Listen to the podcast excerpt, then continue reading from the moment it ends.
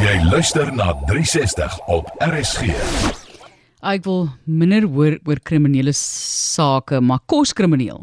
Ma- Martelies, ek weet nie of hierdie dame met 'n verkeerde voet uit die bed opgestaan het en of sy dalk al besig was met kersinkopies nie.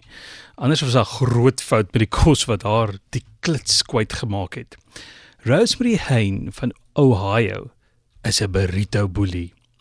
Sy het burritos by 'n bekende Amerikaanse kitskosrestaurant bestel. Wat sy gekry het, het haar so ontstel dat sy die kos in 'n werknemer se gesig gegooi het.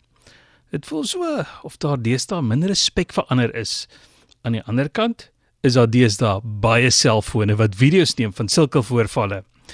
Na video van die voorval soos 'n veldbrand aanlyn versprei het, moes Rosemary vir die hof gaan verduidelik hoe kos jou so kan ontstel.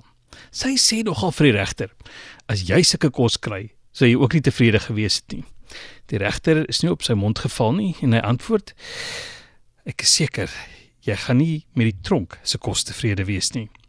Die regter het haar tot tot 'n boete en 180 dae tronkstraf gevonnis, waarvan 90 dae opgeskort is.